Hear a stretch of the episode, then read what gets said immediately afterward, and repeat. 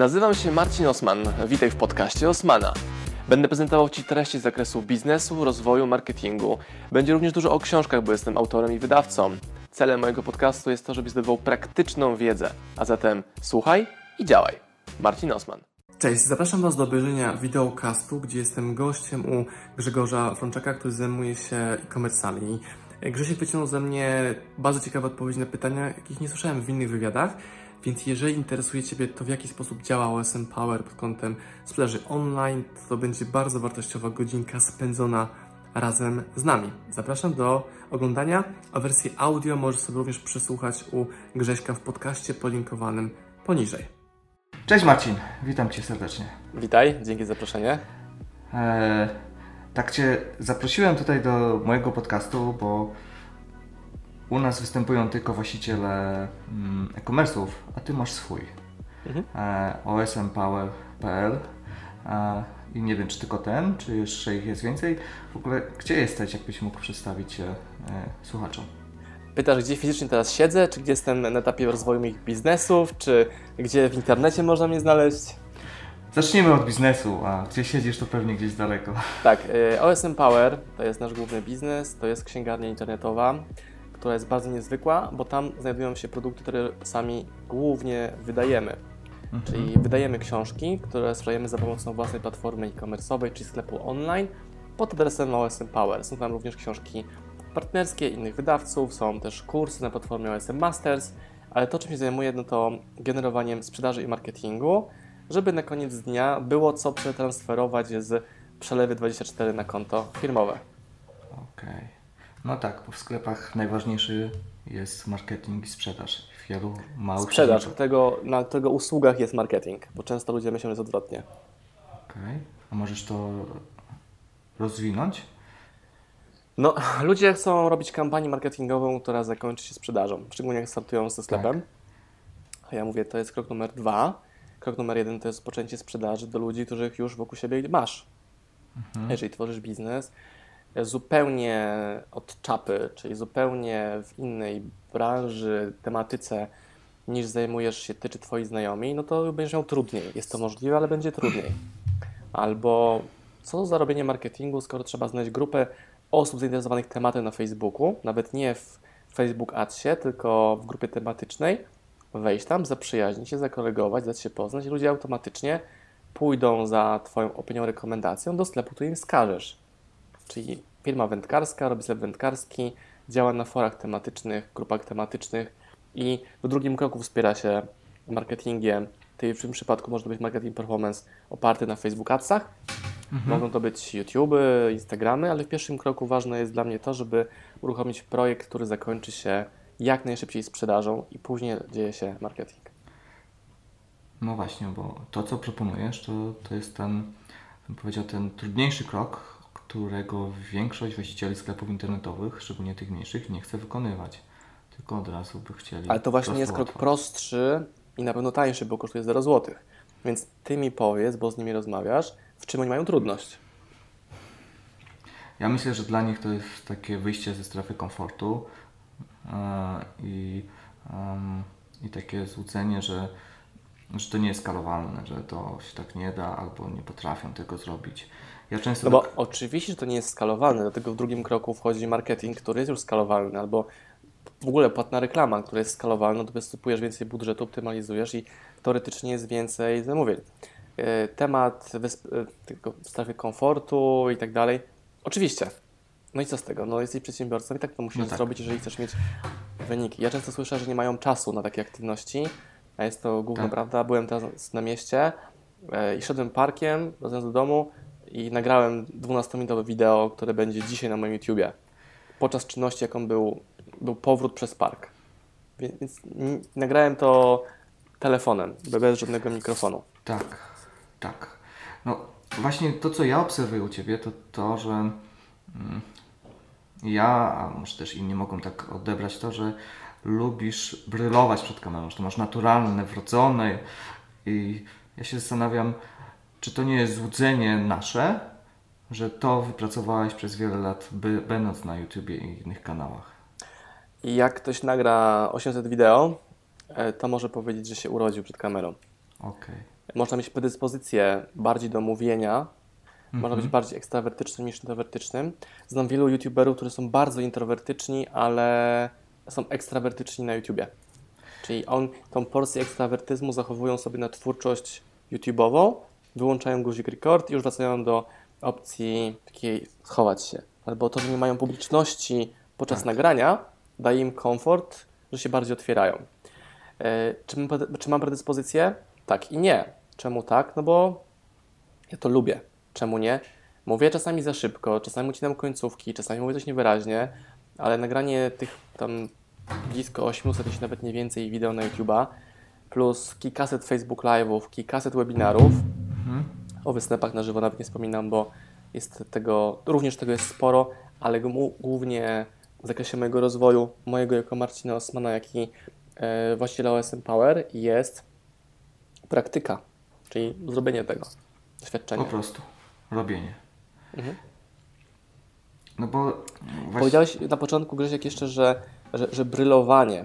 Takie brylowanie to ja nie odbieram tego jako komplement w moją stronę, tylko że lubię świecić przed kamerą, mam parcie na szkło. Często takie opinie słyszę i to mówią ludzie, którzy nie kumają, jak działa internet. To dla mnie jest narzędziem do sprzedaży. Kropka.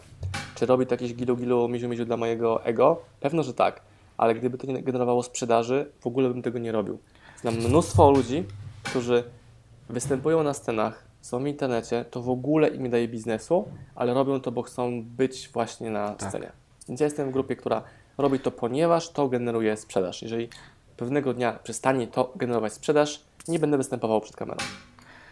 no właśnie, bo jak tak mówisz, że ja wielokrotnie sobie obiecywałem, będę bardziej e, dostępny na Facebooku, będę się bardziej udzielał, będę więcej puszczał postów, filmów i przyznaję, jest to strasznie ciężkie dla mnie. Wielokrotnie to próbowałem robić i kończyło się na, po tygodniu, że już tego nie robię. I ja się tak zastanawiam, czy to nie jest też e, mm, takie wewnętrzne nastawienie do tego, że niektórzy są do pewnych form marketingu dopasowani i warto tą formę marketingu swojego sklepu internetowego dopasować do siebie, tak trochę, tak? Pełna zgoda. Pełna zgoda. Zgadzam się z tą w 100%. Jakie masz opcje? Masz e, audio, masz wideo, masz artykuły, masz grafiki, masz miks wszystkiego.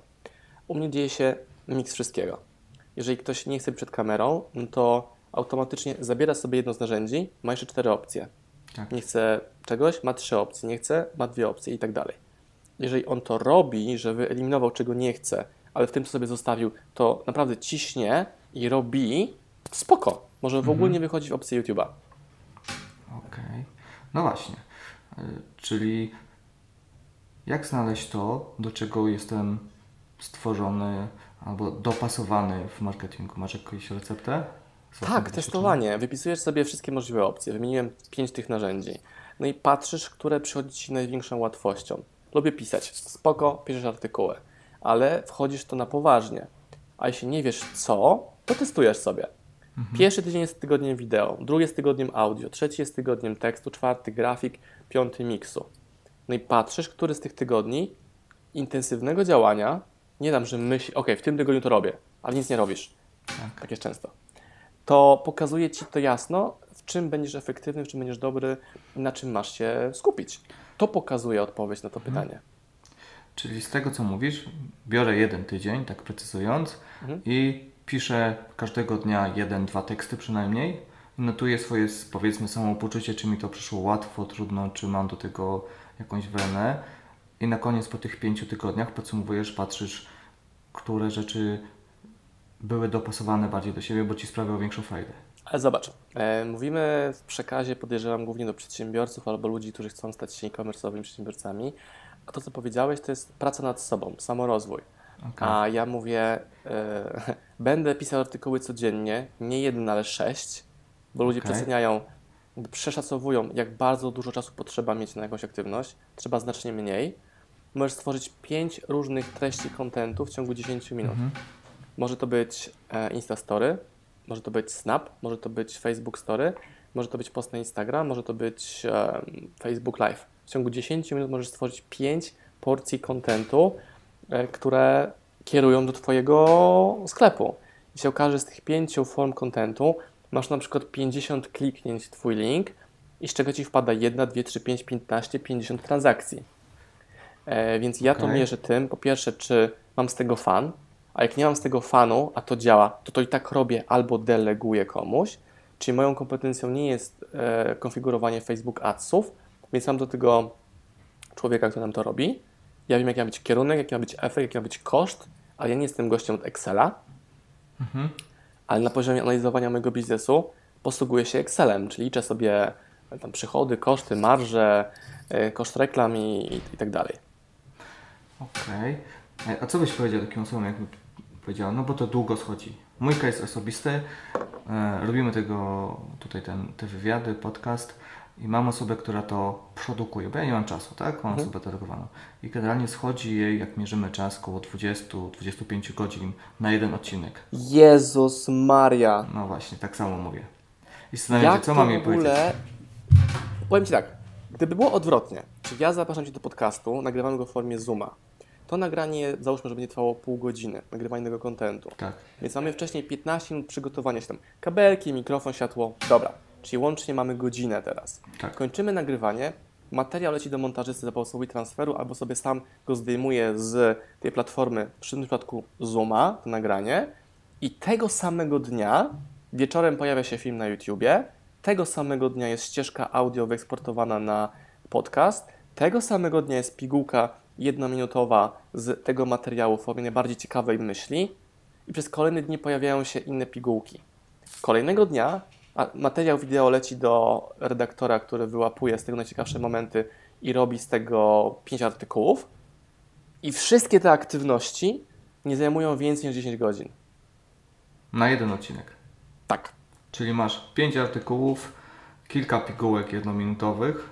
Tak. Rozumiem, że jako takie filmiki na YouTubie, tak? tak, tak, Do tego podcast tak. i śmiga. I jest I kontent. śmiga. I najważniejsze, że nie to, że to mam, to już, to, to już żyje w internecie. Bo to, że jest to plikiem na komputerze, to jest daleka droga jeszcze. E, czyli ja chcę w ogóle tych plików nie dotykać. Nawet sam etap transportowania pliku do edytora jest Twoim czasem. Musisz tam zaploadować. Tak. Nie. Jeśli jest on na Zoomie, niech sobie sam to ściągnie. Jeżeli mam nagrany... Okej. Przykład dzisiaj, dokładnie. Nagrałem tą komórką. Wideo, które trwa, zaraz Ci powiem dokładnie, Grzesiu, dokładnie Ci powiem, 12 e, minut 5 sekund. Takie oto wideo. Tak. Nagrane z łapki telefonem. Wyślę je z poziomu komórki WeTransferem do montażysty i to wideo zobaczysz dzisiaj wieczorem na, na, na internetach. Mhm. Koniec! Jak to się przekłada? Później jakoś promujecie te, ten content, czy on po prostu żyje we waszym... Robisz wszystko, czyli po pierwsze działają algorytmy YouTube'owe, Facebookowe, Instagramowe, naturalny ruch. Po drugie, przekierowuję tam społeczność i mówię na przykład na storysie, hej społeczność, jest nowy odcinek YouTube'a. I tam kilkadziesiąt osób sobie w tego linka kliknie, generując kilkadziesiąt Tak. odsłon. E, Wysyłam w mailingu sprzedażowym w PS-ie, a tu dla Was mam wartościowe wideo. Masz kolejną formę dystrybucji. Na podcast ludzie otrzymują powiadomienie o nowym odcinku albo sami wchodzą po nowy odcinek, a na YouTube też fajnie działa to, że wiedzą, że film jest o 20 codziennie u mnie, więc wiedzą, że o 20 trzeba wejść na YouTube'a. Basic Content Marketing. Okej, ale tu mówimy o tym, jak już masz jakąś społeczność. A co jak ktoś ma To samo. Właśnie, Samo? Grzesiek, właśnie to, te aktywności, jakie wymieniłem, one budują społeczność. Nie, że masz społeczność i to robisz, to jest teraz łatwiejsze, ale żeby mieć społeczność, to robisz właśnie te aktywności. Okej, ale to powiedz mi inaczej w takim razie. Mm, czy robisz dodatkowo na początku jakąś marketing, żeby e, wyjść ze, ze swoim contentem? To jest mój marketing. Content Okej. jest moim marketingiem. Czy content to content, a moim marketingiem jest moje hustle, nie? Czyli, że Okej. cisnę. Jakby nie ma żadnej społeczności, to bym do Ciebie zadzwonił, wziął telefon, hej Grzesiek, słuchaj, nagrałem nowy odcinek podcastu, wyślij Ci na maila, czy możesz to odsłuchać. Mówisz, dobra, spoko, jutro będę jechał do Gdańska, mam 3 godziny, przesłucham. Dobra, dzwonię do Ciebie jutro w połowie trasy Twojej, hej, słuchałeś? O, widzisz, zapomniałem. Już włączam. I mam pierwszą odsłonę odsłuchania mojego podcastu. Okej. Czyli po prostu po wszystkich znajomych dzwonisz i pytasz się, czy było ok. W dużym uproszczeniu tak. I teraz jeśli ktoś Okej. robi to tylko i wyłącznie w ten sposób, to jest spamerem i tak nieznajomych od razu. Mhm. ale chodzi o budowanie relacji z ludźmi, którzy mają społeczności. Ciekawy przykład. E, Nie wiem, czy kojarzysz Rafała Mazura z Jaskiniowca. Ko- kojarzę.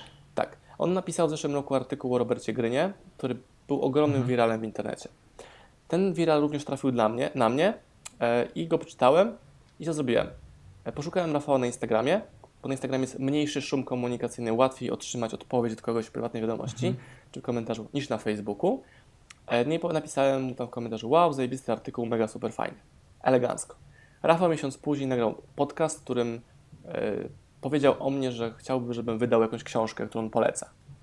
I to był początek relacji, która rozwinęła się w to, że nagraliśmy razem 10 odcinków podcastu, wyprowadziliśmy mu książkę Pressfielda, e, będziemy nagrywali kolejny odcinek o naszych książkach. On ma klientów z mojej społeczności, ja mam klientów z jego społeczności i wszystko rozpoczęło się od jednej, od jednego zdania w komentarzu na Instagramie. Brzmi prosto, Mm, ale pewnie nie jest łatwe do zrobienia, ogarnięcia i zrobienia skali, bo to pewnie zajmuje czas i to jest, nie jest miesiąc, a to jest pewnie pół roku. Dobra, ale skąd w ogóle założenie, że komuś należy się to, że będzie miał skalowalny biznes? Moim zadaniem jest mieć jedno zamówienie dziennie. Później jest mieć dwa zamówienia dziennie. Później jest mieć tych zamówień 13 dziennie. Później jest mieć na przykład 10 zamówień dziennie, jeżeli podróżuję, czyli pracuję mniej, a dalej utrzymuje się podstawowy, podstawowa ilość zamówień. To były moje cele, które osiągnąłem. I teraz jest zwiększanie tego, e, tej sprzedaży przez lepsze Facebook Ads, lepsze partnerstwa, większe partnerstwa, rozwój własnego brandu i to wszystko działa. Tak. I moją analityką nie jest Google, Google e, analityka Google'a, tylko jest patrzenie w CMS mojego sklepu, czy skoczyły zamówienie za akcją, którą wyprodukowałem. Okej, to o, i to jest dobre, wydaje mi się, pytanie. Czemu Twoją analityką nie jest Google Analytics, tylko sprzedaż w sklepie? No bo mogę liczyć sobie kliki, zasięgi, odsłony. No ale ja wyznaczyłem sobie jeden cel. Mierzenie sprzedaży. Wziąłem to od Noah Kagena, który wziął to od Zuckerberga, bo Noah Kagan był 30 pracownikiem Facebooka w kolejności zatrudniania. I on mówi, że w Facebooku jedynym celem, tego się trzymano i który mierzono, był wzrost. Czyli czy jest ekspansja zasięgu. U mnie celem jest mierzenie sprzedaży. Nie tego, tam impresja brandu Osmana na postrzeganie go w grupie la la la. Nie. Tylko czy zrobienie Facebook Live'a na YouTubie, na Facebooku wygenerowało mi dzisiaj sprzedaż. Albo czy nagrywanie codziennie wideo, li- licząc w kategoriach miesiąca oceny tego testu, generuje mi sprzedażę. Jeżeli tak, robię dalej, więcej, lepiej. Jeżeli nie, ucinam ten kanał. Właśnie Marcin, to, bo tu jest cały ząg w tym Google Analytics, że właśnie takie rzeczy, takie um, robienie kontentu w różnych mediach ciężko zmierzyć w Google Analytics, Mhm. bo nie ma referali i nie ma wszystkich tych e, takich rzeczy, które łatwo zobaczyć, że klient przyszedł z YouTube'a i tak dalej. Zgadza się. Więc ja to Tak. uprościłem. Okej. Mierzę, No czy właśnie. jest sprzedaż. Jeżeli wysłałem Okej. mailing i nie mam zamówienia po 5 minutach od wysłania mailingu, znaczy coś spierdzieliłem. Okej. Takich akcji miałem dwie, trzy w swoim życiu. Że wysłałem mailing, który był mało konwertujący. Więc jeżeli wysyłam mailing, to czekam 10-15 minut przy kompie od wysłania mailingu. Jeśli skakują zamówienia, ok, zamykam kompa, mogę iść na spacer z psem. A jak nie, to patrzę, co się tam wydarzyło nie tak.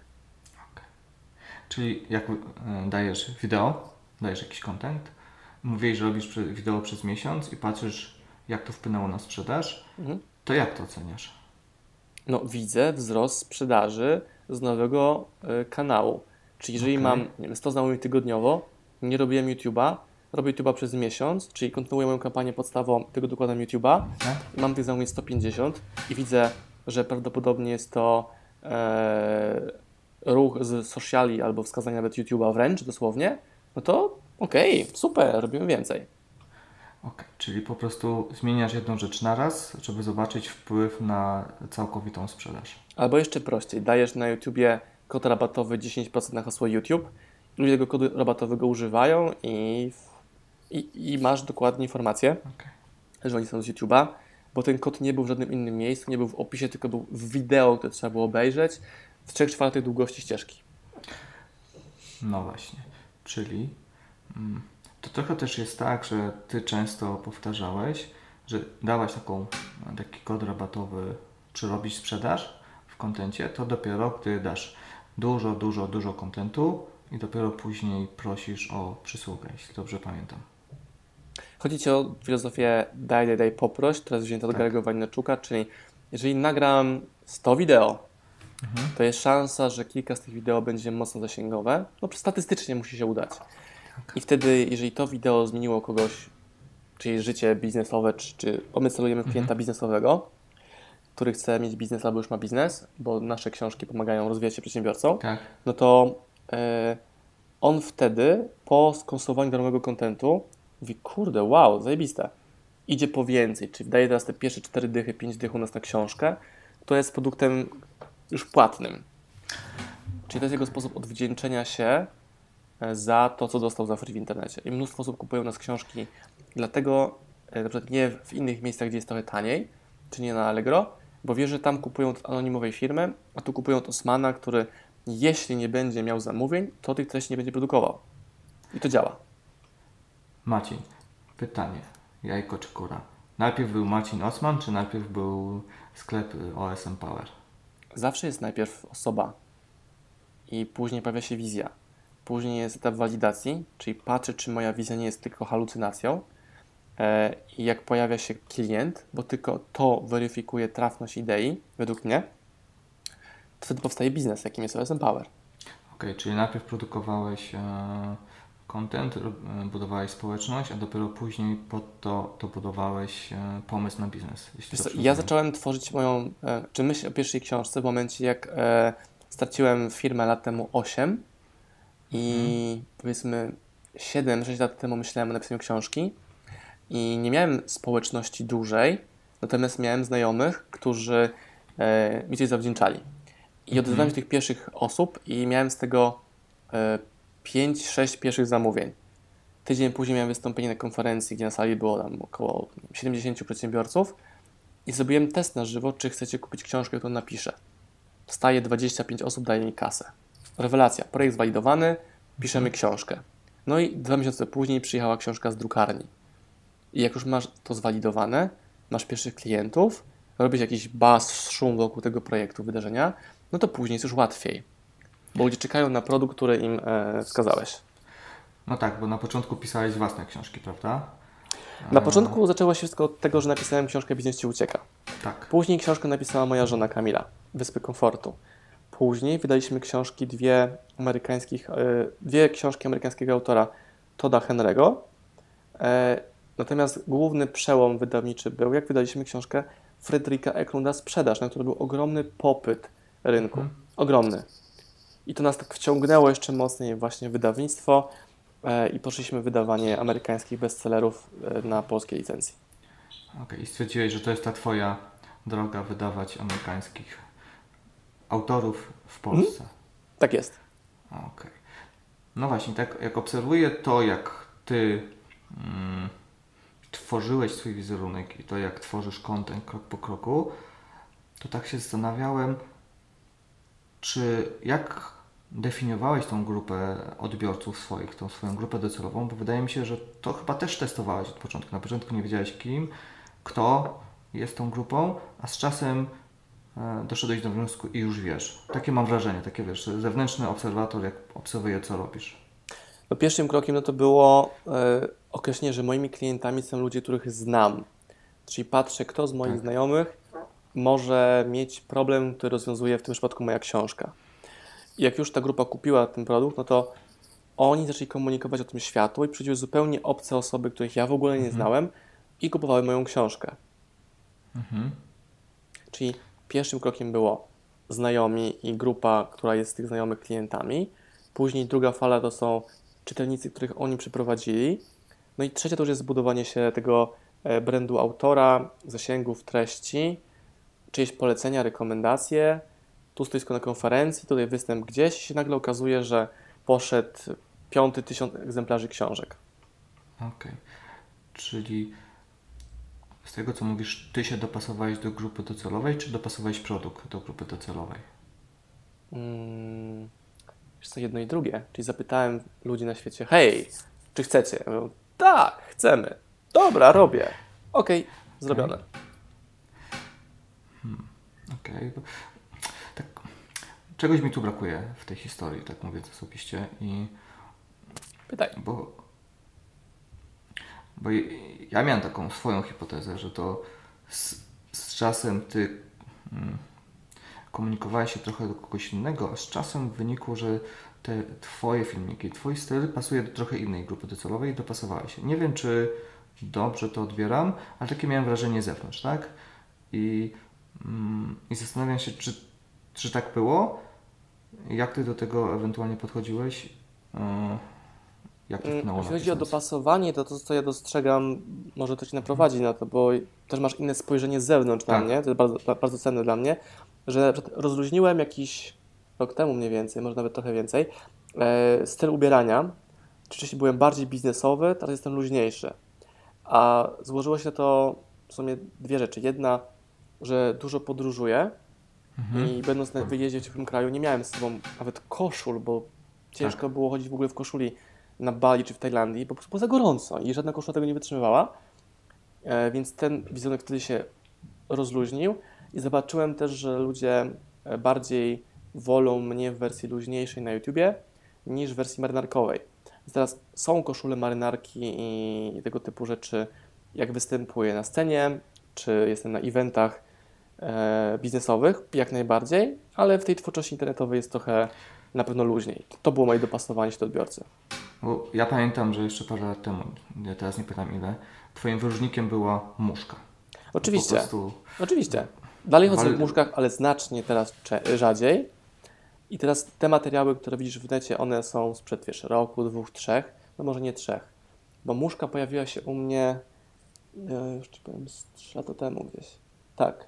Było takie, o, koleś w muszce, a, on, okej, to działało fajnie, ale później ja się też zmieniłem. Zmieniły się moje potrzeby, gdzie się przemieszczam, w jakich temperaturach nawet jestem i e, nie wyobrażam sobie, żeby nagrywać w muszce, będąc w Tajlandii. Bo to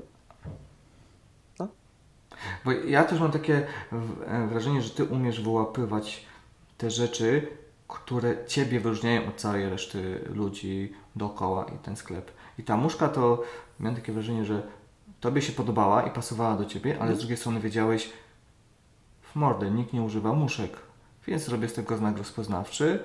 e, ten znak się sam zrobił. Po prostu zacząłem go nosić e, ze względów stylistycznych Marcina Osmana, że zmieniłem też garderobę wtedy mocno. E, I on był etapem, ona była etapem e, mojej zmiany. Czyli Mhm. wcześniej ludzie widzieli, o, gość w muszce, a teraz widzą, o, gość w fajnym garniturze, dobrze dopasowanym, dobranym. Ale ta muszka wciągnęła mnie w świat, e, czy muszka. Poznałem Michała Frąckowiaka, który jest stylistą Mhm. z Liverpoolu, który produkuje muszki, garnitury i tak dalej. On mi pokazał, jakie rzeczy mam wyrzucić, jakie mam kupić i on mi dał tam kilkadziesiąt różnych muszek. Tak. I one robiły mega dużą furorę. Ale to nie dzięki muszce są zasięgi, tylko to jest znak e, rozpoznawczy, ale moim głównym znakiem rozpoznawczym jest, to są moje hipotezy oczywiście, jest energia, uśmiech, hustle em, i że tworzę content. Tak. No bo ja też Cię zaprosiłem do tego e, podcastu, bo po pierwsze e, ostatni odcinek nagrywałem z Michałem Dyżdą, który ma księgarnię na Tuli. Ty masz księgarnię OSM Power, trochę z jednej branży i chcę też pokazać ludziom różne podejścia do tego samego biznesu. Mm, I Wy macie kompletnie inną strategię na to, Jaki żeby jest adres tego książki. sklepu, sobie sprawdzę za chwilkę. Natuli.pl Na Tuli. oni mają duży portal, dzieci są ważne, tak jakby na kontencie dla rodziców e, bazują i sprzedają poradniki dla rodziców, tak? Mhm. Kompletnie tak jakby inna. I, em, I też wchodzą teraz w wydawnictwo, żeby zwiększać właśnie marże mm, i produkować własne książki. Mm, Natomiast Michał ma kompletnie inny pomysł na to i pewnie by się spodobał, bo on ostatnie 5 lat spędził w, Polsce rok, gdzie buduje firmę, a on, on teraz większość czasu spędza w Indach z dziećmi. Mhm. Tak? Cały rok mieszka tam, a, a przyjeżdża tylko na chwilę, żeby. Czy wybrać coś sobie Indię na, Indię na kraj, tak? Tak, znaczy, no tam mieszka. Zobaczył na Goa, tam mu się podoba to. I tak, e, no właśnie, i tak widzę, że mm, to, co jest podobne u Was, to to, że znaleźliście sobie swoją grupę docelową, swój pomysł na jakie książki będę sprzedawać, bo rynek książki tak naprawdę w Polsce jest bardzo ciężki według mnie, bo tam się liczy przede wszystkim cena, prawda? nie jest ciężki i się nie liczy cena. Czyli nie Okej. patrzę na rynek, nie patrzę na benchmarki cenowe, robię to po swojemu. Jeżeli mam wyłączność na jakiś produkt, jakim są na przykład książki, które wydajemy, no to decyduję jakością książki i moim marketingiem. Czy to decyduje, czy klient po tą książkę przychodzi. Czyli Tak. E, możesz u mnie kupić książkę za 100 zł Felixa Denisa. Możesz kupić książkę Sprzedawaj Więcej, która kosztuje 123 zł. Za chwilkę będziesz mógł kupić książki e, Stevena Pressfielda, 6 tytułów, różnych, 6 różnych książek, ale jako cały pakiet. Nie będziesz mógł kupić pojedynczej książki tej, e, tego autora. Więc to są eksperymenty, jakie mogę robić, bo mam kontrolę nad e, dystrybucją tego produktu. To znaczy, że jest tylko wyłącznie u mnie. Więc wtedy już temat ceny odpada w ogóle, temat konkurencji odpada w ogóle i decyduję tylko o tym, jak ja wyedukuję, wyedukuję klienta, czy w odpowiedni sposób do niego trafię, wytłumaczę, co robimy, czym ta książka jest i na tej podstawie on podejmuje decyzję, że kupi albo nie kupi. No, ja tu widzę dość fajnie przemyślany koncept na model biznesowy, żeby się nie ścigać właśnie z tą ceną i wszystkimi innymi patologiami na tym rynku. Bo gdybym się ścigał, to bym przegrał na wejściu. No tak. No właśnie. Hmm. Czyli jest OSM Power, które wydaje, sprzedaje przede wszystkim własne książki, ale czy też inne? No u nas w sklepie produktów wydanych przez nas jest około 40. Wszystkich produktów jest około 300, tam w różnych wariacjach. Y, Pakiety, nie pakiety i tak dalej. E, No ale liczbowo największą sprzedaż generują nam takie książki jak Sprzedawaj Więcej, książki Gary'ego Wojneczuka, Felix Denis. To są takie top 3 Tak. e, książki czy, katego- czy, czy autorzy. Później jest reszta. Tak. No właśnie. Bo chyba się ze mną zgodzisz, bo pracujemy z Pauliną. Paulina była kiedyś dyrektorem e-commerce w dużym e-commerce i teraz pracuje ze mną nad takim e-commerce'em dla innych naszych klientów. I ona ma takie powiedzenie, że e-commerce to taka mrówcza praca. To chyba się s- też zgo- zgodzisz ze mną, że w e-commerce e, efekty takie nagłe są bardzo rzadkie, a dużo bardziej popłaca mrówcza praca i dokładanie kolejnej rzeczy do tego, żeby była sprzedaż. Więc uruchamiamy teraz nowy sklep. On się nazywa książkiwędkarskie.pl, czyli my chcemy zobaczyć, czy możemy tą niszę też w ogóle przejąć. I e, zgadzam się, że jest mnóstwo mrówczej pracy. Samo skonfigurowanie sklepu to jest tam kilkadziesiąt mikroczynności, które trzeba wykonać. Nie wiem, kupno certyfikatu SSL, połączenie płatności, połączenie e, z fakturami, wyedukowanie firmy wysyłkowej, która obsługuje u nas wysyłkę zamówień, ustawienie odpowiedniej wielkości banerów, prowadzenie produktów, e, opisów, e, optymalizacja, żeby coś tam się nie wysypywało, żeby działało na mobilu. Nie? To jest mrówcza praca. Później, jak to jest zrobione, również jest jakaś mrówcza praca. Nie wiem, shopper zrobił aktualizację i się okazało, że wyzerował stany magazynowe wszystkich pakietów. Musisz to poklikać ręcznie. Albo e, klient nie widzi czegoś, trzeba dorobić na czerwono guzik napisu kod rabatowy, bo on nie będzie ten kod rabatowy wpisywać. Albo trzeba przebudować layout, bo e, oni czegoś nie rozumieją w procesie zakupu, albo trzeba go w ogóle skrócić. Więc zgadzam się, tak. A oprócz tego jest promocja, marketing, sprzedaż. No właśnie. I w promocji, marketingu to też taka mrówcza praca, krok po kroku, nie wszystko naraz. Mhm. No bo nie da się zrobić wszystkiego na raz. Yy, No u nas jest tak, no, że tworzymy marketing cały czas. Niektóre wideo mają, mam wideo, które ma 250 tysięcy odsłon prawie, a mam wideo, które mają 1000 odsłon. Ale wcale nie jest powiedziane, że to większe generuje mi bardziej sprzedaż niż to mniejsze, które jest bardziej trafne do mojej społeczności. Ja pamiętam, bardzo mi się podobało, jak nagrałeś właśnie wideo, gdy to najbardziej oglądane wideo miało tam z 50 tysięcy i powiedziałeś, i miałeś takie clickbaitowe trochę wideo, co zrobić, żeby Twoje wideo miało w jedną noc 50 tysięcy od wyświetleń i zdradziłeś im tajemnicę, czyli robić 350 wideo i wtedy Ci się trafi. Tak, Czyli tak. to jest trochę taka krok po kroku. No wideo, które u mnie ma prawie ćwierć miliona odsłon, zrobił te odsłony w tydzień, ale ludzie, którzy nie kumają, nie wiedzą, nie widzą, że to wideo sprowadziło kolejne pół miliona odsłon na pozostałe materiały. Ten ruch się rozlał po całym kanale. Tak. Kanał urósł, urósł dwukrotnie, trzykrotnie w tydzień. Czyli bardziej, e, znacznie większy efekt był działania przez tydzień niż przez wcześniejsze lata. Okej. No właśnie, bo z jednej strony mówi, żeby robić ten content po prostu szybko, e, nie przejmować się takimi, żeby go nie dopieszczać. Grzesiek, Ale- ja dalej nie jestem w stanie zrozumieć, na co potrzeba Twojemu człowiekowi 20 minut obróbki materiału. Wiesz co, ale okej, to, to nawet nie chodzi o to, tylko zastanawiam się, na które elementy przy tworzeniu kontentu według Ciebie warto zwracać uwagę, żeby ten content był czytany, szerowany i żeby ludzie go lubili. Bo jeśli nie... O, nie, nie, nie. Co? Ha, ha, ha. A, nie właśnie, tak? właśnie. Oglądam subtelności. Po pierwsze, ja nie potrzebuję, żeby ludzie lubili mój content. Ty mówisz, Okej. żeby ludzie... Nie potrzebuję tego. Okej, Po drugie, żeby był szerowalny. Jeśli będzie to, to super. Jeżeli nie, to i tak jest, dociera do odbiorcy. Więc mnie interesuje, czy wideo daje mu wartość, która odpowiada na jego pytania. Tak. okej. I czy wideo jest dobrej jakości audio? Tak.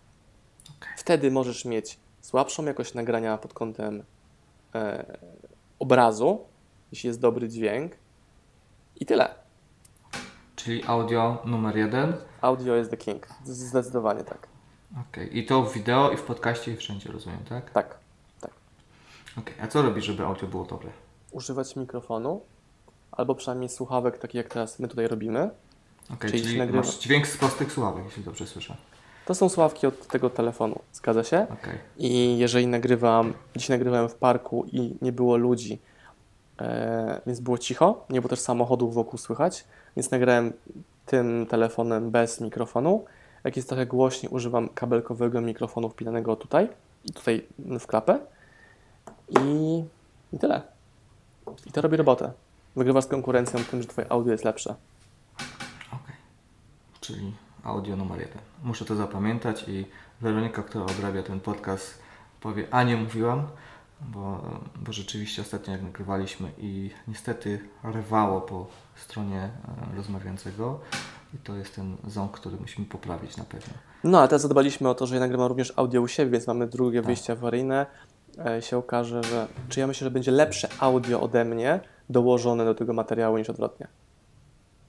A czemu tak uważasz? No bo teraz używamy audio, czy w tym materiale wideo będzie Tak. audio z tam Live'a czy Zooma. Tak. Tak. Na pewno będzie słabsze, bo jest już przekonwertowane. Ale nagrywając na komputerze bezpośrednio Direct Voice, będę miał lepszą jakość mojego audio. Okej. Mm, dobra. E, no właśnie. W tym momencie widzę, że tam masz 20 tysięcy fanów na Instagramie, na Facebooku no, chyba nawet więcej. Nie sprawdzałem. Ja, ja, ja ostatnio w ogóle lubię Instagrama, bo jest taki bardziej, tak jak mówiłeś, Jest mniej szumu, Prosty, łatwa, łatwiejsza komunikacja. no wiem. I jak myślisz, jak się będą te media społecznościowe zmieniać? E, Jak to wpłynie na produkcję kontentu? Nie mam pojęcia, mi to w ogóle nie interesuje, szczerze mówiąc. Bo się Okej. dopasuje do tego. Okej. Czyli obserwujesz rynek i idziesz tam, gdzie trzeba, tak? Mhm. A jakbyś, jak kiedyś, ja bardzo, jak rozmawiam z właścicielami sklepów internetowych, e, czy nawet widzę na różnych grupach e-commerce'owych, co zrobić, żeby mój sklep sprzedawał, to widzę najbardziej popularne rady. SEO, e, reklamy na Facebooku, na AdWords. Ja mówię w mordę. Sklep dopiero zaczyna, e, a oni każą mu konkurować i robić licytacje z większymi i lepszymi, którzy tam to ogarniają. Mhm. Ja kiedyś sobie tak wielu klientom mówiłem, wiesz co, a może po prostu pójdziesz tam, gdzie nie ma jeszcze Twojej konkurencji i gdzieś, gdzie jest nowe medium i możesz go, możesz to medium, nie wiem, powiedzmy, zaorać, tak? Czyli być numerem jeden. Czyli jak kiedyś y, było mało kontentu na YouTubie, wchodzimy w YouTube. Jeśli wszedł Instagram, wchodzimy w Instagram. Teraz kolejne jakieś rzeczy wchodzą i uważam, że to jest dużo bardziej tak jakby skuteczne niż walczenie z wszystkimi dookoła, gdzie jest bardzo duża konkurencja. Masz jakiś swój pomysł na, na taki content? Eee, ludzie myślą, że skonfigurowanie reklamy Facebook czy AdWordsa to jest easy. Nie. Są ludzie czy firmy, które specjalizują się tylko i wyłącznie w tym. Więc albo znajdziesz dobrego żołnierza ninja, który ci to ustawi, albo poświęcisz rok, pół roku na rozpykanie tego i wtedy twoje adsy będą działały, co też jest ok, a jak nie, no to musisz testować sobie, które medium najbardziej u ciebie zadziała. Może to będzie sprzedaż generowana w jakiejś grupie na Facebooku, która ma 5000 osób w specyficznej branży i tam się wszystko dzieje. Może to będzie zbieranie mailingu, może to będzie Instagram Stories. Spot... Kurde, ja rzadko oglądam materiały wideo, ale w niedzielę zasnęła mi córka na, na rękach i gdzieś mi YouTube podesłał vlog gościa, nazywa się Turbulencja, on jest pilotem. Obejrzałem trzy odcinki zajebistego kontentu, jaki genialna rzecz, gdzie pilot pokazuje mi, polski pilot, jak to w ogóle z tym startowaniem, lataniem jest, Tak. jak to z tymi komórkami, które trzeba wyłączyć, nie wyłączać. I to jest, to jest content, który gość nagrywa chyba telefonem albo co najwyżej jakimś GoPro, bo szerszy kadr czas- czasami jest. On tłumaczy mi, jak to wygląda. I teraz on będąc pilotem, zapewnia sobie rozwój swojego brandu, może napisać książkę, bo mają swoją społeczność, jest zapraszany do różnych programów, jest bardziej popularny i tak samo, gdyby on sobie wymyślił e-commerce z gadżetami lotniczymi, nie wiem, szkolenia z lotnictwa, nie wiem, wycieczki po jakichś tam muzeach czy trasach, no to ma nowy biznes w oparciu o brand i społeczność. A on co robi? Tylko dokumentuje. Czyli hej, ja wam pokażę w sumie, co jest za tymi drzwiami kapitana samolotu. Co każdego to intryguje. Każdego. Właśnie teraz tak mi przyszło takie pytanie. Bo wiesz, tak, produkcja takiego kontentu, jak e, robisz, czy robi ten, ten e, człowiek od, od turbulencji, to jest im prościej, tym łatwiej, im szybciej, tym fajniej. A zastanawiam się, jeśli byłaby taka marka, powiedzmy już solidnie, e, gdzieś tam, może solidnie, ale no gdzieś tam e, ma, e, już jest zbudowana, sporo sprzedaje, to byś proponował im zająć się od razu od super profesjonalnego wideo, tak jak to robiło wiele firm, że musi być takie, wiesz, wymuskane, czy byś powiedział, zacznijcie od prostego. Zacznijcie od prostego. Okej. To, że ktoś ma znaczy- więcej worków pieniędzy, nie znaczy, że ten worek pieniędzy wlany w robienie kontentu zmieni coś. okej. A znasz jakieś przykłady? Takich Ale czego, bo marek, nie wiem, co pytasz? Takich marek, które robią taki prosty marketing i to śmiga? Nic mi do głowy nie przychodzi, szczerze mówiąc. Bo nie skupiam się na tym. Okej. No widzę Coca-Colę, która wlewa cysterny pieniędzy w kampanię zasięgową, wizerunkową, ale ty nie jesteś Coca-Colą, ani ja. Tak. Nie, czy mnie interesuje. Mhm. No Ja, ja mówię o takich, wiesz, średnich sklepach, powiedzmy 200-300 tysięcy obrotu miesięcznie do miliona, dwóch miesięcznie, tak? Czyli to są takie jeszcze małe sklepy jak na warunki polskie, średnie. Natomiast y, mam takie wrażenie, że oni się boją. Musi być wszystko takie wymuskane perfekcyjnie od razu, bo boją się, że stracą na wizerunku. O matko, na wizerunku. Będą mieli dobry produkt, fajną ofertę, relację z klientem i zrobią w topę, to jeszcze tym urosną, bo klienci, część klientów, większa część klientów zrozumie, to są prawdziwi ludzie. Ja lubię kupować od kogoś, kto pokazuje mi się, kim jest w ogóle. Okej. I to też jest takim sekretem OSM Power, że oni wiedzą, że tam po drugiej stronie jest Marcin Osman. Czasami myślą, że ja pakuję sam paczki, je wysyłam. Ktoś pisze mi na Messengerze, hej Marcin, dołóż mi do paczki tam jeszcze jedną książkę i doliczę do, kosztu, do kosztu pobrania. Ja mówię, dobrze, ale napisz na shopmałpa.osmpower.pl, tam dziewczyny się tą zaopiekują. Ale to jest fajne, no bo oni, mamy tak bliską relację, że oni naprawdę myślą, że ja pakuję te paczki. No właśnie, bo tak się zastanawiam też, jeśli właściciel takiego sklepu nie chce być twarzą e, sklepu, nie chce po prostu, ma jakieś tam obawy prywatności, nie chce, mm, to jakbyś podszedł do tematu, nie chcę być, jeśli ja nie chcę być jako właściciel twarzą e, sklepu na wideo, audio, to co byś mu doradził? Masz jakąś radę? No, żeby dalej zarabiał mało. Okej. Teraz Myślisz, że się to jest... śmieje. To niech sobie kupi twarz, która występuje, niech zatrudni aktora, który występuje. To jest Mhm. Najtańsza wymówka na świecie. Okej. Nie chcę występować przed kamerą. Zajebiście. Kto za ciebie to zrobi? No, nie mam ludzi w firmie. Dobra, kogo zatrudnisz na zewnątrz? No, nie mam budżetu. Dobra, wracamy do punktu wyjścia, ty nagrywasz. I tyle. Z mojej strony, patrząc na to, ile jest e, influencerów, małych, średnich i dużych, to w sumie taki sklep, jeśli chce, mógłby się dogadać z influencerką, blogerką, instagramowiczką, żeby ona była jego twarzą. W teorii tak, albo pierwsze to wymaga umiejętności e, współpracowania z influencerami, to jest kompetencja Okej. e, i wymaga znalezienia właściwej osoby i znalezienia właściwej osoby, która ma realną relację ze swoją społecznością, a nie tylko cyferki na Instagramie. Ale wiesz, nie chodzi mi o to, żeby ona robiła na swoim Instagramie, tylko żeby ona została twarzą tą, y, tej, tej marki. E, I nawet wydaje mi się, że jeśli by się nie udało, to, to po prostu bierzesz kolejną osobę i szukasz do skutku, żeby się nie poddawać. Trochę dla mnie tutaj wzorem trochę XCOM, który ma czterech e, prowadzących ich e, stories jest na Instagramie i im to świetnie wychodzi. A ja myślę, że mały sklep y, mógłby z taką Jeżeli mały sklep wymyśla, że tam ktoś Mhm. przed kamerą nie chce być, się wstydzi, coś Tak. tam, to dalej będzie małym sklepem albo upadnie. Kropka. Okej. Jeżeli się bierzemy za biznes, to idziemy w narzędzia, które działają. I już. Boi się wystawać przed kamerą. No i co z tego? I tak musisz to zrobić, skoro e, wiesz, że stąd przyjdą twoi klienci. Tyle. Nie robisz? No to masz mniejsze przychody. Kropka. Godzisz się na to? Zajebiście. Jak narzekasz? To jest problem. Twój problem. Okej. No tak. Albo się dopasujesz, albo zmienisz branżę, albo znajdziesz inny sposób na sprzedawanie. Tak jest. Zawsze powtarzam, że biznes rozwija się tak szybko, jak my się rozwijamy i jeśli, ma, nie jesteśmy dobrani do biznesu, szczególnie tego w tym małym biznesie, to, to nam firma nie rośnie. Mhm. Bo, bo biznes od razu zaraz powie, hej, to się nie sprawdza. Mhm. Tak?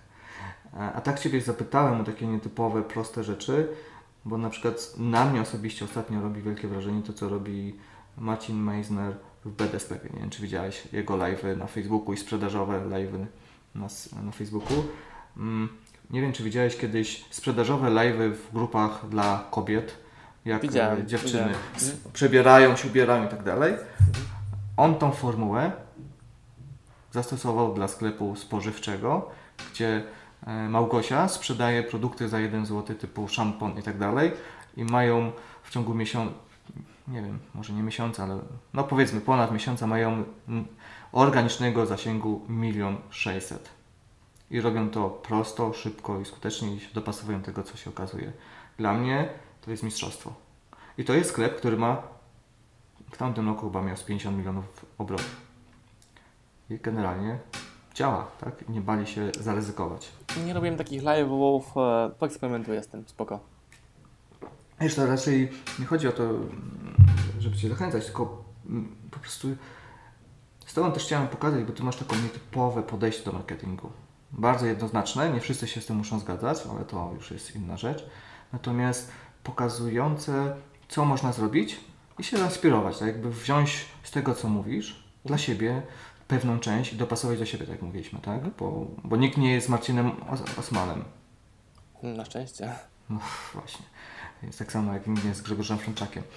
E, I z tego powodu na przykład ja wybrałem sobie wywiady i podcasty, bo próbowałem sam tworzyć content. Boże, jak mi to ciężko, e, ciężko szło, ze względu na to, że ja się stresowałem za bardzo. Więc stwierdziłem, że muszę znaleźć prostszą formę, która będzie dla mnie ok. A ja uwielbiam na przykład rozmawiać z ludźmi. Lubię poznawać ich i zadawać pytania. Być może przez to, że przez 5 lat byłem coachem, trenerem od produktywności i gdzieś mi to weszło w krew, ale ja zawsze byłem ciekawy ludzi, a oni zawsze mają ciekawe historie. Mhm. Więc no właśnie. Um, a zdradź mi jeszcze, jak robicie te, mm, ten content, używacie jakichś super zaawansowanych narzędzi, czy najprostsze, jakie są na rynku? Telefon? Słuchawki? Telefon. Okej. 95% treści powstało telefonem. A do zarządzania socialami, interakcjami z użytkownikami sam. Okej. Telefon. Marcin znowu pokazuje telefon, jakby ktoś Tak, słuchał. telefon. To narzędzie optymalizacji czegoś. Ludzie agregują jakieś treści, planery, a mają 38 lajków na Facebooku na przykład, nie? Gdzie mamy znacznie większe zasięgi, ja to ogarniam sam komórką, albo Dominika zajmuje publikacją kontentu, e, albo... Co jeszcze robi Dominika? Pomaga zarządzać moją treścią, czyli pisze mi hej, dzisiaj napisz tekst na Instagram, bo wczoraj była pigułka z wiedzą, jutro będzie coś innego, dzisiaj pisz tekst na Instagram. No i siedzę, piszę tekst na Instagram. Okej. Później Dominika bierze ten tekst z Instagrama i wrzuca go na, na przykład na fanpage Marcina Osmana, gdzie Szymon bierze i włącza jakieś tam dopalenie, boost płatny tego posta. Z, z tego co mówisz, to po prostu nie przejmujesz się wszystkimi wytycznymi o najlepsze godziny do wystawiania postów, powtarzania i tak dalej. Po prostu No patrzymy, kiedy są najlepsze godziny na posty. No i na Instagramie u nas jest to 19-20, więc rzucamy w tych godzinach post na Instagram. Okej. Na YouTube jesteśmy o 20, e, bardziej dla nauczenia społeczności, że wideo będzie o 20, aniżeli dlatego, że e, o 20 to jest jakiś idealny, wiesz, czas na publikowanie treści według wszystkich ludzi na świecie. Ale z tego co mówisz, e, też usłyszałem, że większość Twojej pracy jako właściciela sklepu internetowego to jest produkcja kontentu. Produkcja Jakbyś kontentu. miał, pow- jakbyś miał powiedzieć, jaki to jest procent czasu? A nie do końca się chyba z tym zgadzam. Mówisz, że produkcja kontentu Mhm, czyli tworzenie treści na Instagrama, na, na podcast i tak dalej. to bym nazwał bardziej e, no, komunikacją z klientami i czasami ten content jest contentem nagranym powiedzmy w godzinę i jest tam 5 wideo i później obróbka kontentu, publikacja, promocja kontentu, to jak najbardziej tak. Okej. I jaki procent czasu Twojego jako właściciela firmy na to poświęcasz? Grzesiek, nie wiem. Dzisiaj, bo to zależy od, zależy od dnia. Jeżeli podróżujemy, to powstaje więcej regularnych treści, bo w podróży robię mniej rzeczy operacyjnych. Dzisiaj siedziałem przy kompie od rana do godziny 11.15. Później wyszedłem na miasto, jakieś miałem załatwienia drobne i e, rano nagrałem 4 storysy na Instagram. Jak wracałem z miasta, nagrałem wideo. To wideo jest już, u- jest już u operatora, który będzie montował je wieczorem. Pewnie napiszę post na Instagram, chyba że jest przygotowany wcześniej post na dzisiaj. Więc dzisiaj tworzenie kontentu z mojej strony to jest poniżej pół godziny na pewno. A tak średnio w, jakbyś miał, nie wiem, taki średni tydzień zrobić, to byś powiedział, nie wiem, czy pracujesz 40 godzin w tygodniu, czy mniej. Yy, Wiesz to co, nie wiem, pracuję jakieś- tyle, ile trzeba pracować. Taka jest chyba Okej. odpowiedź najbardziej prawidłowa. Jak jestem w podróży, to znacznie zwiększa się moja aktywność na Instagramie. Okej. Jest więcej postów i jest więcej e, Instagram Storiesa, bo to jest łatwe medium w, w poruszaniu się. E, ciekawostka, w zeszłym roku, dwa- czekaj, w 2019, czekaj, nie, w 2018, 18. w 2018 w styczniu byłem w Tajlandii i zrobiłem eksperymentalny pierwszy YouTube Live w tajskim poranku, czyli jak się okazało, to była jakiś środek nocy w Polsce. Na tym live były cztery osoby, ale były. I wyobraź sobie, że jedna z tych osób przyszła na moje szkolenie, które było cztery miechy później. Czyli czterech widzów było, z czego jeden na pewno wydał u nas pieniądze, bo go spotkałem na żywo. Okej. No właśnie, bo tak, czyli z tego co mówisz, podsumowując, ym, no właśnie, bo tak próbuję wyciągnąć, czy to jest bardziej 30% Twojego czasu produkcja kontentu z wszystkich zadań, czy Ale ty nie 50? wydzielaj całej nie produkcji. Produkcja musisz zrobić coś, co, masz, co możesz później Okej. komunikować, promować. To nie, to nie jest jakaś o, ogromna porcja czasu. Główna porcja czasu to bycie e, rozkminianie, co działa. Żeby to był proces, system. Jeżeli masz proces taki, że nagrasz wideo, macie to zmontować, macie to wrzucić, ma kto zadbać o regularność tego kontentu, to już masz procedurę powtarzalną. Tak. Jeżeli umiesz nagrywać wideo, no to nagrywasz 5 wideo w godzinę, a nie 5 godzin, 5 wideo. Okej. Z każdym kolejnym jest y, po prostu łatwiej. Czyli mówisz, raz najmniej mi zajmuje produkcja tych wideo, tego kontentu, dużo więcej zajmuje mi czas promocja, plus rozkminianie, co działa, co nie działa. Wczoraj na przykład zajęło mi e, pół godziny napisanie mailingu, który był dedykowany do 40 osób, czyli można było tylko będąc pierwszym w tej 40, jedną z 40 osób Tak. skorzystać z tego kodu rabatowego i to nam zrobiło prawie 12 koła sprzedaży. E, Napisałem to w poniżej pół godziny, czyli zamieniłem pół godziny na 12 tysięcy sprzedaży, a to był tylko jeden z elementów naszej, naszego działania tego dnia. Okej. Czy przygody były większe, ale ta jedna aktywność to zrobiła. Yy, No i był Instagram, był Stories, był YouTube, był Facebook, były telefony, skoczyły dwa większe zamówienia od dystrybutorów książek, czyli zamówienia B2B i suma tych aktywności daje fajne wyniki. Tak. Czyli dzisiaj na spacerze będąc, e, wracając, nagrałem wideo, rozmawiałem telefonicznie z dwoma influencerami, obaj się zgodzili, bo się Tak. znamy, na zrobienie cross wideo, więc mam zaplanowane już dwa, dwie rozmowy, które będą crossowane w naszych kanałach, e, które na pewno zakończą się sprzedażą naszych usług każdego z nas. E, czy to był spacer, czy to była produkcja kontentu, czy dbanie o to, żeby ten content móc e, tworzyć. Okej. No właśnie, bo. Mm, Okej. Ty sam pilnujesz, żeby ten content produkował, czy masz Dominikę, która ci przypomina, Marcin, w tym brakuje mi jeszcze Instagrama dzisiaj. E, Dominika przypomina, e, ale ja też wiem, że mam nagrać wideo, czyli wiedziałem, że, bo teraz miałem problem z gardłem, więc nie nagrywałem wideo przez chyba dwa dni, nie było wideo na YouTubie, więc nagrałem dzisiaj wideo, które pójdzie na dzisiaj. W czwartek będziemy nagrywali więcej materiału hurtowo, czyli będzie to Mhm. wyglądało tak, że pójdziemy pewnie do parku, bo jest ładna pogoda jeszcze nie trzeba robić tego wewnątrz. E, Nagramy kilka wideo, które będzie przez kolejne dni publikowane. Mając konferencję dużą, taką trzydniową w listopadzie, na końcu, miesiąca, na końcu miesiąca, e, będziemy mieli z sobą operatora cały czas, więc z tego powstanie pewnie przynajmniej 10 materiałów wideo, które będą publikowane dalej, czyli dokumentowanie, działanie wielowarstwowo, czyli będąc na konferencji mam tak, jestem speakerem, więc mam miejsce Tak. na scenie, mam stoisko, czyli na stoisku dzieje się sprzedaż, mam operatora, który robi wideo z kulis, czy wiem, że on jest, nagrywa, więc mogę w locie do niego mówić i powstaje z tego content w sytuacji, jaką jest, jaka jest, jaki jest konferencja. Za pomocą Instagram Storiesa czy Facebooka mogę zaprosić ludzi z Warszawy, że mogą wpaść na nasze stoisko, a nie muszą kupić wejściówki. Tak było ostatnio w Hiltonie. Przyszło kilka osób. Em, I już. Tak to działa. Okej. No to jeszcze odnośnie zespołu. Załóżmy, że mam taki średni sklep, Mhm. e, mam jakiś tam budżet, to do czego byś, potrzeb, byś powiedział tak, ok, mogę zacząć samemu, ale później trzeba jakoś zespół zbudować. To jakie osoby byś miał w zespole, e, które trzeba mieć na miejscu, a co byś po prostu zlecał pod wykonawcą? E, Zlecałbym pod wykonawcą wszystko to, co zabiera czas, a nie jest kluczową kompetencją. Czyli, czyli ja nie zlecam komuś nagrywania wideo za mnie, Mhm. bo to jest moja społeczność, która chce ode mnie kupować.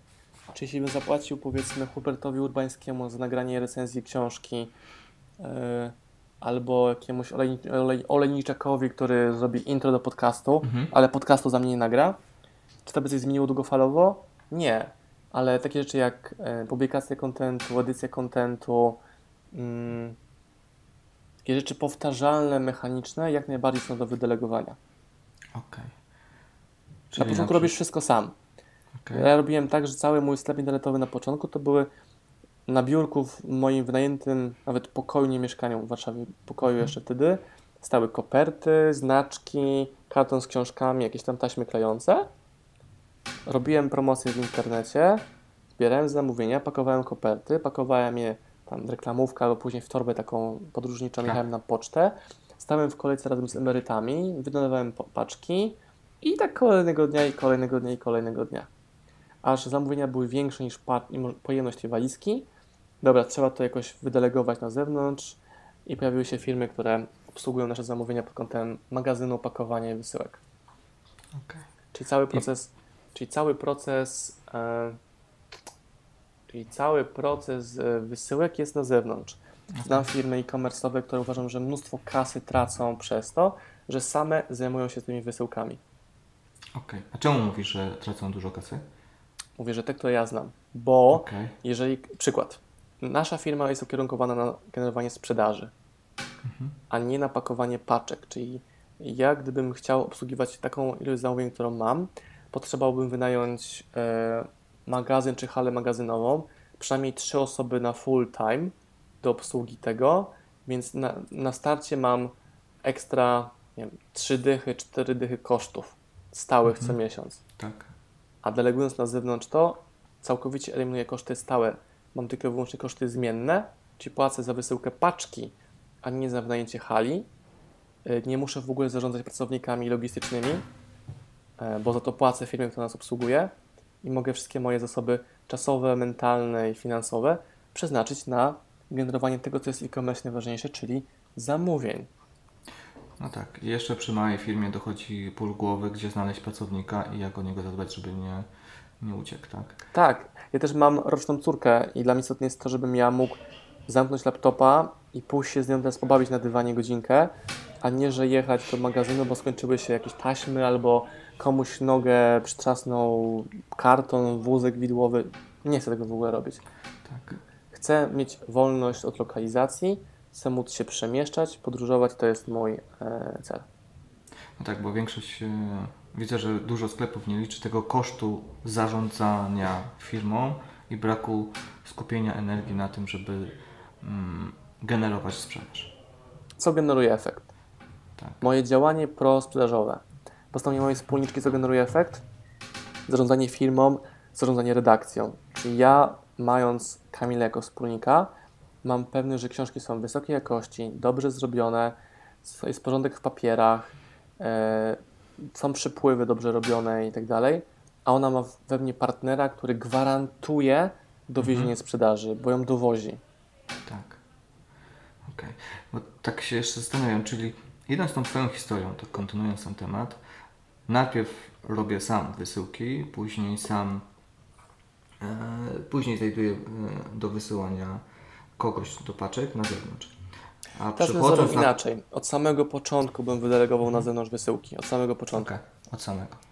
Nie, bo tak, tak chciałem taką e, parafrazą, jeśli to jest parafraza, przejść e, później na kon, produkowanie kontentu. Czyli na początku robię wszystko sam, później jak już to ogarniam, widzę, że są efekty, e, poznałem te jakby wszystkie te tajniki, triki i tak dalej, tu pierwszą rzeczą pewnie byś wydelegował takie redagowanie, produkcję kontentu, obróbkę e, dźwięków i tak dalej, bo to chyba dość prosto z tego rozliczać.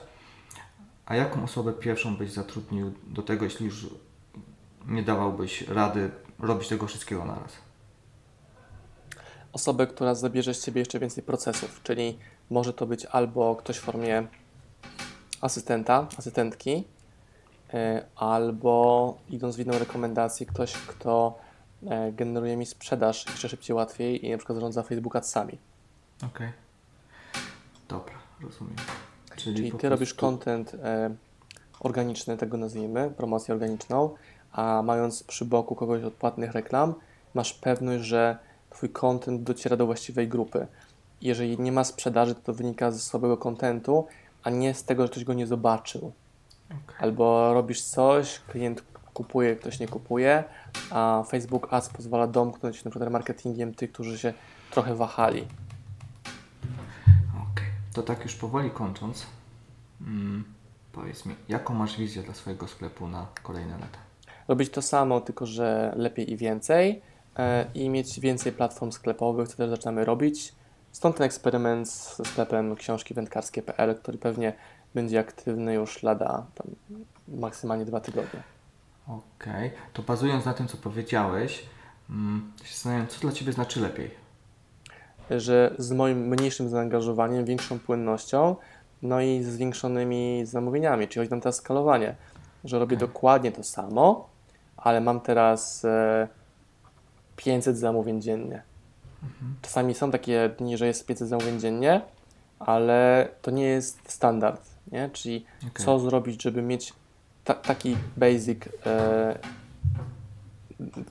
daily orders versus duplikowanie tego doświadczenia na inne platformy, ale dalej, dalej trzymają się swoich kompetencji, czyli hmm, a co jeśli wypali sklep książki wędkarskie.pl? Może trzeba później pójść niszami, nie wiem, książki wo- wojskowe.pl, książki akwarystyczne.pl, wiesz, i tak dalej, i tak dalej, żeby używać tego samego systemu sklepowego, tego samego magazynu, poruszać się cały czas w branży książkarskiej, Tak. albo wręcz przeciwnie, coś zupełnie innego odpalić, jak powiedzmy, nie wiem, długopisy, najlepszy długopis.pl.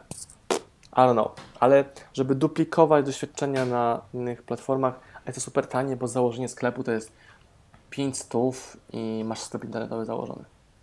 No tak, i można szybko przetestować, Mhm. mm, czy to działa, tak? tak. Tak jest. E, Opowiadał o tym u nas e, Tomek Kwaśniewski z sklepu Lekolet, gdzie e, jego żoną jest Maja Bohosiewicz. Taka A jaki to jest sklep, jeszcze powiedz? Lekolet. A co oni sprzedają? Ubrania. Maja produkuje i promuje je Mhm. i odpowiada za content, tak? Jak, trochę jak ty. I, I on opowiadał właśnie, że najpierw postawili szybko sklep. W ciągu w sumie miesiąca od pomysłu była już sklep z produkcją zrobiony i postawiony, a, na, a po pół roku stwierdzili, że ten sklep już im nie wystarcza, muszą coś innego zrobić i przeszli właśnie na PrestaShopa i tutaj zaczęliśmy współpracować. I dla mnie to było niesamowite to, że oni od pomysłu do postawienia tego zajęło im 4 tygodnie, tak? Tak jakby mm, chcieli sprawdzić tą, ten pomysł, czy to daje się, tak? Bo często ludzie poświęcają na to pół roku i po, po, zrobią to, działa, a, a nie wiedzą, czy umieją w ogóle to sprzedawać, tak? I robić marketing do tego. Mhm. Więc rozumiem, że Ty też gdzieś tam jesteś w e, e, zgodzie z tym, że szybko przetestuj, czy umiesz to sprzedać. Tak, nawet gdybyś chciał, to jest Twoja decyzja. Nagrałem wideo, które ma około 13 minut długości, dokładnie mówiące, tam nic nie pokazuje, dokładnie mówiące, jak założyć sklep internetowy. Więc jeśli chcesz, to możesz wziąć audio z tego wideo i dokleić jako bonus do tego materiału, bo nie chciałbym się czas o tym powtarzać, a tam jest Tak. idealnie opowiedziane, bo skupiłem się na tym, jak najprostszy sposób cały proces na biznes w ogóle e-commerce'owy Okej. zrobić. Jak chcesz, to śmiało. Podeślij mi linka i na pewno jakoś wymyślimy, czy to załączymy, czy jako informację do notatek. To... Bardzo proszę, bardzo proszę.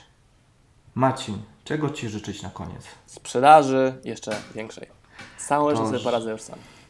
To ja Ci serdecznie życzę e, coraz większej sprzedaży, e, czasu dla siebie, dla rodziny też, bo Dziękuję bardzo. tam słyszałem po trochu, że tam się odezwała córa. E, wiem, co to znaczy, mam dwie, trzy i pięć lat, więc e, o, to był ciężki e, czas, e, szczególnie jak się ma własny biznes, to już, żeby to wszystko pogodzić i żeby działało, to, to jest wyzwanie. Więc jeszcze raz czasu i sprzedaży.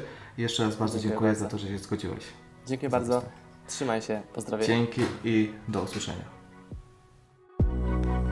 Pozdrawiam Was, moi drodzy podcasterzy, słuchacze mojego podcastu.